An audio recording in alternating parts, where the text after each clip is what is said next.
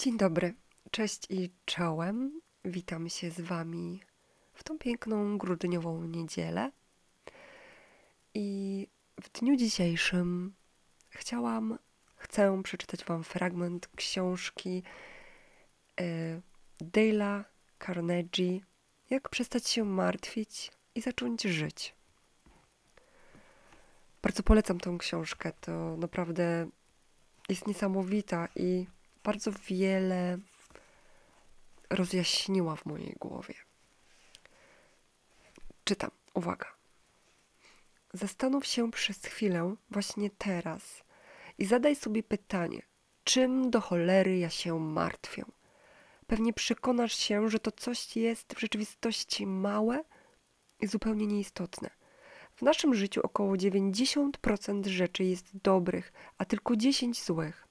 Aby być szczęśliwym, musisz się jedynie skoncentrować na tych 90%, które są dobre i całkowicie zignorować 10% rzeczy złych. Jeśli zaś chcesz dorobić się wrzodów żołądka, zamartwiać się i nurzać w goryczy, skoncentruj po prostu uwagę na tych 10 i zapomnij o 90% rzeczy pozytywnych w Twoim życiu.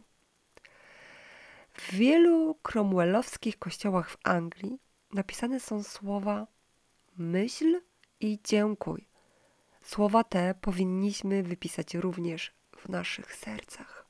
Myśl i dziękuj. Myśl o wszystkim, za co powinniśmy być wdzięczni. I dziękuj Bogu za hojność i wszystkie łaski. Autor podróży Gullivera, Jonathan Swift, był największym pesymistą w literaturze angielskiej. Tak bardzo żałował swojego przyjścia na świat, że w dniu urodzin ubierał się na czarno i pościł. Mimo to jednak ten niezrówno, niezrównany pesymista, zupełnie pogrążony w desperacji, głosił, że szczęście i radość dają zdrowie. Najlepsi lekarze świata to doktor dieta, doktor spokój i doktor radość. Napisał.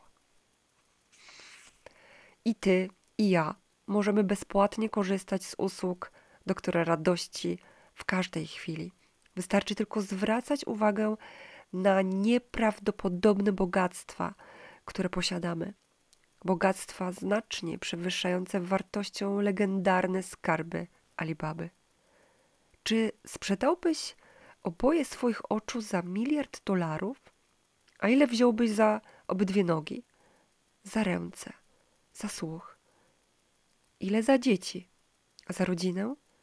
Podsumuj swoje aktywa.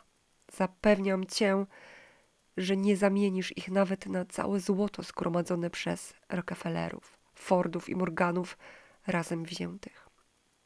Czy jednak doceniamy to wszystko? Nie. Jak napisał Schopenhauer, rzadko myślimy o tym, co mamy, lecz zawsze o tym, czego nam brakuje. Tak. Skłonność do niemyślenia o rzeczach, które mamy, lecz zawsze o tym, czego nam brak, spowodowała pewnie więcej biedy niż wszystkie wojny i zarazy w historii świata. Więc w tym magicznym miesiącu, grudniu, zwróćmy szczególną uwagę na to, na te wszystkie aktywa, które posiadamy. Zapiszmy je sobie na kartce i spróbujmy wycenić. Nie da się. A jeżeli tak, to te liczby będą po prostu ogromne. Radujmy się. Radujmy się wszystkim, co mamy. Dziękuję.